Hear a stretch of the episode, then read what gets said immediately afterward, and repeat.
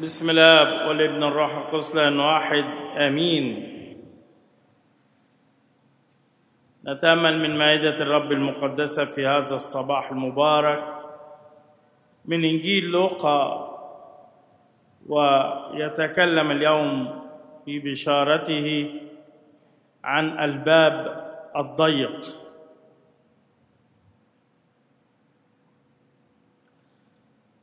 يقول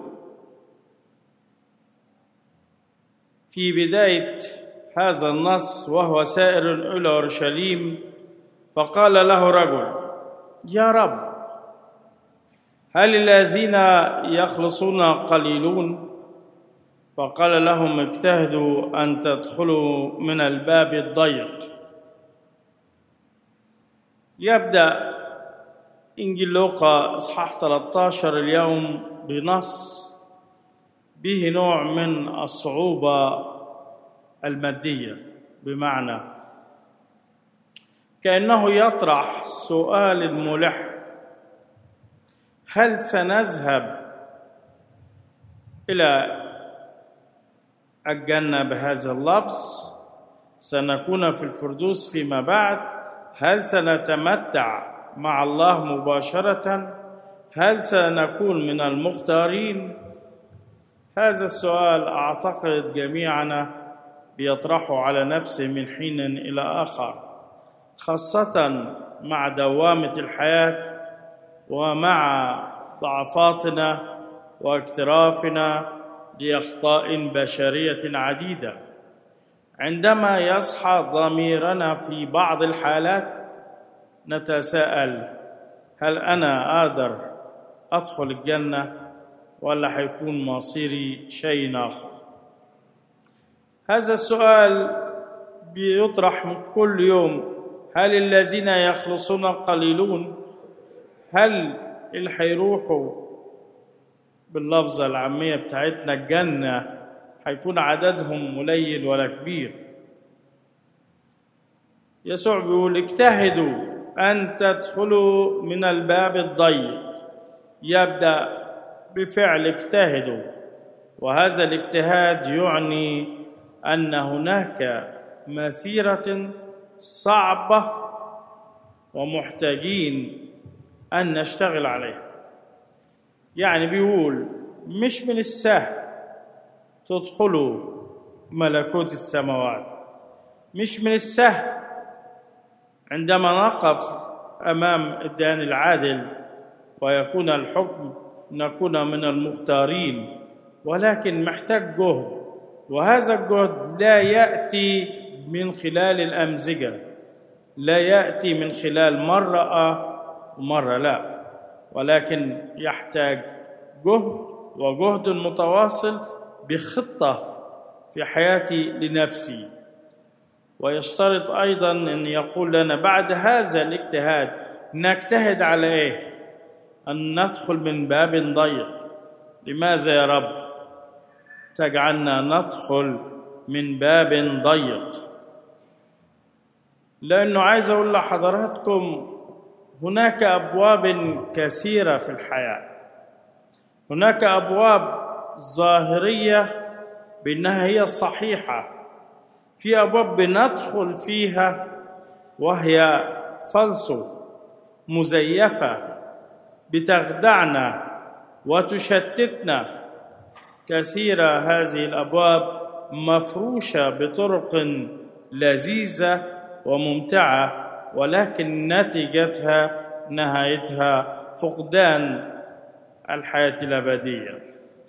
لذلك دخولنا من الباب الضيق يعني محتاج مثابرة وهذا الباب ليس بالسهل. أن ندخل فيه. عشان كده يسوع النهارده بيقول لنا احذروا من الأبواب الظاهرة إنها جيدة. في ظاهرها ممتازة تخدعنا ولكن في النتيجة لم تعطينا الهدف المرموق.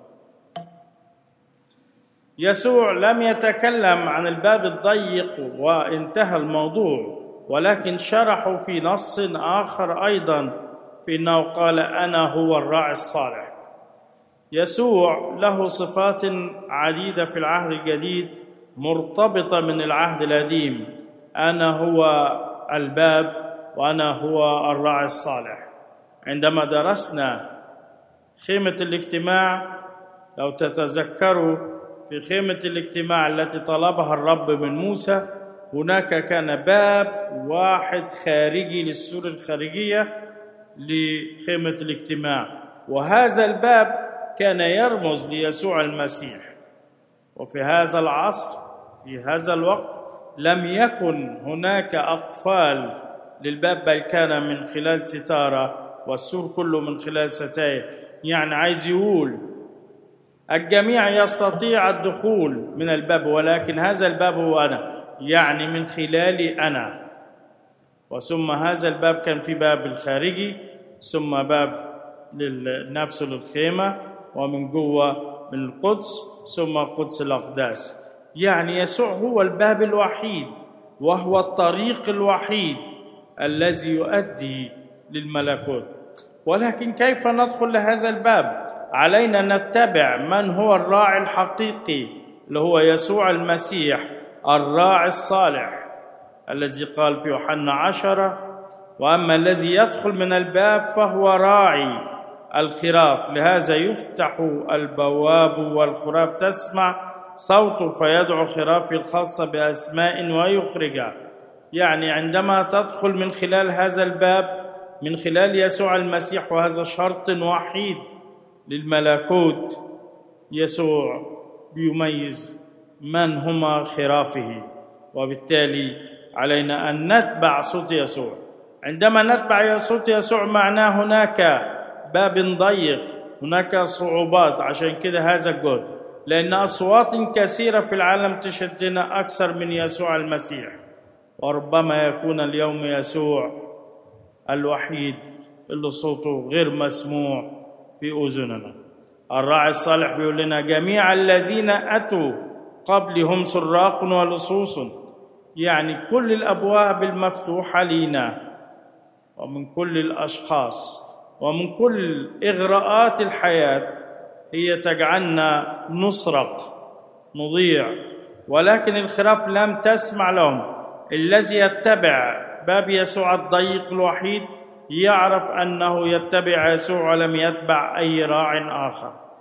يقول لنا في إنجيل يوحنا أنا هو الباب. إن دخل بي أحد فيخلص ويدخل ويخرج ويجد مرعى. من خلال يسوع فقط ستكون الأبدية سيكون الخلاص. وهنا كأنه ينبه يسوع أن هذا الباب الضيق يعني الخلاص ويعني الفداء. ليس هناك فداء من غير يسوع. ولكن في حياتنا اليومية حاجات كتيرة بتسحبنا وتشدنا وتجذبنا الا باب يسوع. هذا الباب الضيق مملوء بالعوائق. تخيلوا لو حبيت تدخل من باب ضيق لما بتشتري موبيليا أو حاجة وعايز تدخلها في بيتك مش بتعرف تدخلها. محتاج تعمل إيه؟ لما تلغي الدليفري بتاعك لما تكسر الباب. وفي الحالتين صعب. أنت في مأساة. عشان كده هذا الباب ضيق يعني عشان تدخلوا ستجتاز بامتحانات عديدة باختبارات عديدة مرات بنسقط ومرات بنقوم. في رسالة بولس إلى أهل كورنثوس بيقول لنا انتبهوا سيكون في عواقب. ولكنني أمكث في أفسس إلى يوم الخمسين لأنه قد انفتح لي باب عظيم وفعال. يعني بيقول بولس أنا مريت بأزمات ولكن المرة دي في باب اتفتح لي فعال يعني شغال هيساعدني ويوجد معاندون كثيرون. حتى في خدمة بولس كانت في ناس بتعنده يعني ناس بتتحداه. وهذا التحدي هي اللي بتخلينا نوصل لأبواب ضيقة. مش عارفين نعدي من هذه الأبواب. هذا الباب الضيق يحتاج حاجة مهمة جدا اسمها الصلاة. كيف ندخل من الباب الضيق؟ من حاجة اسمها الصلاة. في رسالة بولس الرسول لأهل كلوسي واظبوا على الصلاة ساهرين فيها بالشكر. يا ترى هل الصلاة لسه برنامج يومي؟ كأنه السؤال معروف والإجابة معروفة هل الصلاة أصبحت كغذائنا الجسدي اليومي أننا مش هقدر أنام آخر اليوم من غير ما أصلي؟ أعتقد الإجابة هتكون متفاوتة الصلاة هي الباب الحقيقي لدخولنا لملكوت السماوات هي باب ضيق لأني باجي آخر اليوم بكتشف إني تعبان مرهق بأجل لبكرة فباب ضيق. ما بيدينيش جاذبية مش بيشدني زي فيلم أحضره زي سهرة أسهرها مع أصحابي زي خروج أخرجه زي حاجات كتيرة أعملها. باب الصلاة دايما بالنسبة لي مش بروح أفتحه. مش بدور عليه. ربما آخر أولوياتي. حتى يوم الأحد وأنا جاي أصلي لسه مش جاي مقدم ربنا هو رقم واحد في حياتي. بدليل أغلب الكنيسة بتيجي متأخرة. ودي عادة مستمرة لأننا لسه ما حطناش الله في رقم واحد في حياتنا. عندنا حجج بايخة. إن نقول لربنا مش عايزينك ولكن عايزينه بالوهم بدون اجتهاد. الله مش هيجي للأشخاص الغير مجتهدة. الله بيعطي نفسه للأشخاص المجتهدة فقط والاجتهاد يعني أن هناك استحقاق. هذا الإيمان يبدأ من الصلاة اليومية والصلاة العائلية. واظبوا واظبوا يعني كرروا. وده طبعا مش سهل. الأسر ما بتقدرش يوميا تصلي الأفراد مش يوميا بيقدروا يصلوا. وهذا الصلاة بيسميها سهر يعني فيها مجهود. بتعمل مجهود عشان تسهر. كأنك عندك شغل overtime بالليل بتكمله. الصلاة مش بتيجي في وقت إن أنا في حالة المرحرحة بل دائما بنهي بها بالليل بالشكر. مصلين في ذلك لأجلنا. نحن أيضا. شوفوا الصلاة بتعمل إيه ليفتح الرب لنا بابا. طبعا هنا بيتكلم عن التبشير. إذا عايز ربنا يفتح لك طرق عندك إجابة واحدة. صلي. إذا عايز ربنا يقف معك في حاجات كتيرة صلي. إذا مش عايز الأمور تمشي في حياتك خليك ما تصليش. شرط مباشر. الباب مغلق ومفتوح. أنا اللي بخلي الباب مغلق أو مفتوح. الباب المفتوح هو فرصة لخلاصي من جديد. الله بيديني صوت من خلال العظة من خلال الصلاة من خلال الكتاب المقدس من خلال المبشرين من خلال ربما قنوات فضائية مسيحية النهاردة بتعلمني بيديني فرصة بيفتح لي الباب. لكن يا ترى أنا بدخل من هذا الباب ولا بعدي على باب أخرى وأترك باب يسوع. من يفتح الباب؟ هذا هو القدوس الحق يسوع الذي بيفتح الباب. بيقول لنا له مفتاح داود الذي يفتح ولا أحد يغلق ويغلق ولا أحد يفتح. يعني يسوع اللي في إيده الباب اللي يفتحه لك. انت توصل لغاية الباب لكن يسوع هو اللي هيسمحك لو كنت مستحق. لكن لو مش مستحق مش هيفتح لي الباب. الأبواب المفتوحة لم تبقى مفتوحة دائما. يعني فرصتك للأبدية مش هتظل جرانتي طول الحياة عندك أمان وضمان. لكن انتبه ربما تكون أنا وأنتم نهايتنا بعد لحظات. هل استعديت لهذا الباب المفتوح؟ ولا. يسوع هيقول لي زي ما النص اللي سمعناه هيغلق الباب في وجهي ويقول له ابعد عني ويكون هناك صرير الاسنان يعني الفرصة إن هي مش هتيجي فاكرين نص العذارى الحكيمات والجاهلات؟ كانوا المستعدات بس هم اللي خدوا وبيدون النص كأنه عشرة. خمسة وخمسة يعني تقريبا نسبة النص. النص يكون مستعد. أعتقد هذا النص النهاردة يا ريت حتى يكون في المجتمع في نص مستعد. ده تبقى نسبة نجاح كبيرة ولكن لا يوجد هذا العمل. الحاجة الثانية الباب الضيق في صعوبات الخوف. بيقول لنا في سفر رؤيا يوحنا اللاوت بيقول لنا عارف أعمالك. يعني الخوف إن أنا عارف نفسي كمان أعمالي هل تجعلني مستحق ولا لا لدخول الباب؟ كل شخص عندما يجتاز امتحان أو يدخل في امتحان بيعرف إنه هينجح ولا لا. لأنه عارف اجتهد أم لا ذاكر أم لا. كل شخص هو محدد لنتيجة وشهادة وتفوق نفسه من خلال اجتهاده طول الفترة السابقة. لا تعتقد أنك داخل ومنتظر مفاجأة إنك تكافئ في الامتحان بدون مجهود. ربما في الامتحانات اليومية في المدارس أو خلافه أو في أعمال تنجح في شيء أنت لم تفعله. لكن عند الله ما عندوش هذه الرأفة بأنه أنا ما اشتغلتش أستحق هذا. النجاح. مش معناه الله لا رحيم لكن الله عادل. مش ممكن يكافئك بدون أعمالك. مش ممكن يكافئني بدون عملي. وبالتالي أنا سأحدد إن الباب ده مفتوح ولا لا.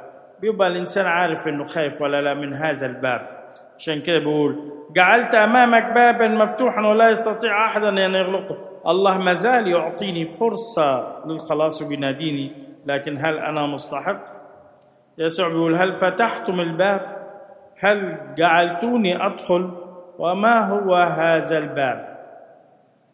عايز أقول هناك ثلاث أشكال للباب في داخلي أول حاجة قلبي تاني حاجة عقلي اللي بحدد بيه إن أفتح الباب.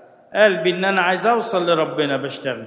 وعقلي إن أنا أميز أنا أبعد عن الشر وآخذ الخير. والحاجة الثالثة أعمالي اللي بتتبرهن من خلال هل أنا استعملت عقلي وقلبي أم لا. حريتنا قدام هذا الباب هي اللي بتجعل نهاية الإنسان مع الله ولا لا. هي الحرية اللي بتخليني هل الله يقبلني ولا لا؟ من خلال أنا عايزة. في المطران فولتن شين عنده مقولة ويا ريتكم تقروا حاجات عنه لأنه هو النهارده أعلنت الكنيسة الكاثوليكية أنه طباوي.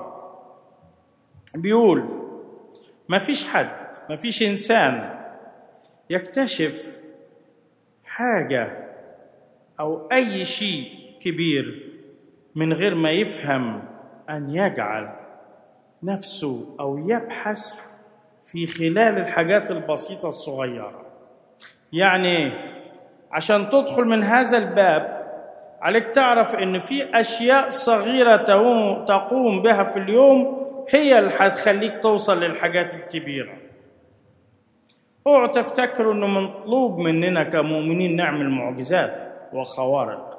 ولكن الأعمال البسيطة يعني لو أنت ربة أسرة في حياتك المكرسة للأسرة بإخلاص هيكون هذا الباب الضيق تدخلي منه. لو كنت ربة أسرة في تربيتك لأولادك الصالحة حيكون هذا هو الباب الضيق اللي هتدخل منه. إن كنت رب أسرة كيف تحافظ على أسرتك وأولادك؟ حيكون هو الباب الصغير الأشياء اللي قدامك الصغيرة. إن كنت بتشتغل حيكون من خلال وظيفتك وعملك إنك تكون شخص أمين. إن كنت طالب من خلال الدراسة اللي بتعملها. إن كنت صنايعي وعامل من خلال العمل اللي بتشتغله. يعني في كل واحد الله بيديله الدور بتاعه. من خلال الحياة اليومية البسيطة اللي أتيحت لي سيكون لي باب ملكوت السماوات. تقدروا تشوفوا ده كله في مواقع عندنا اللي دايما في ال website وال YouTube وتقدروا ترجعوا ليه. عشان كده النهارده فرصة أقول لكم أن الباب الضيق أمامنا وفي صعوبات ولكن الإغراءات كتيرة والأبواب اللي ظاهرة إنها جيدة كتيرة لكن باب واحد عليك أن تعرف تختاره وتترك كل الأبواب المغرية.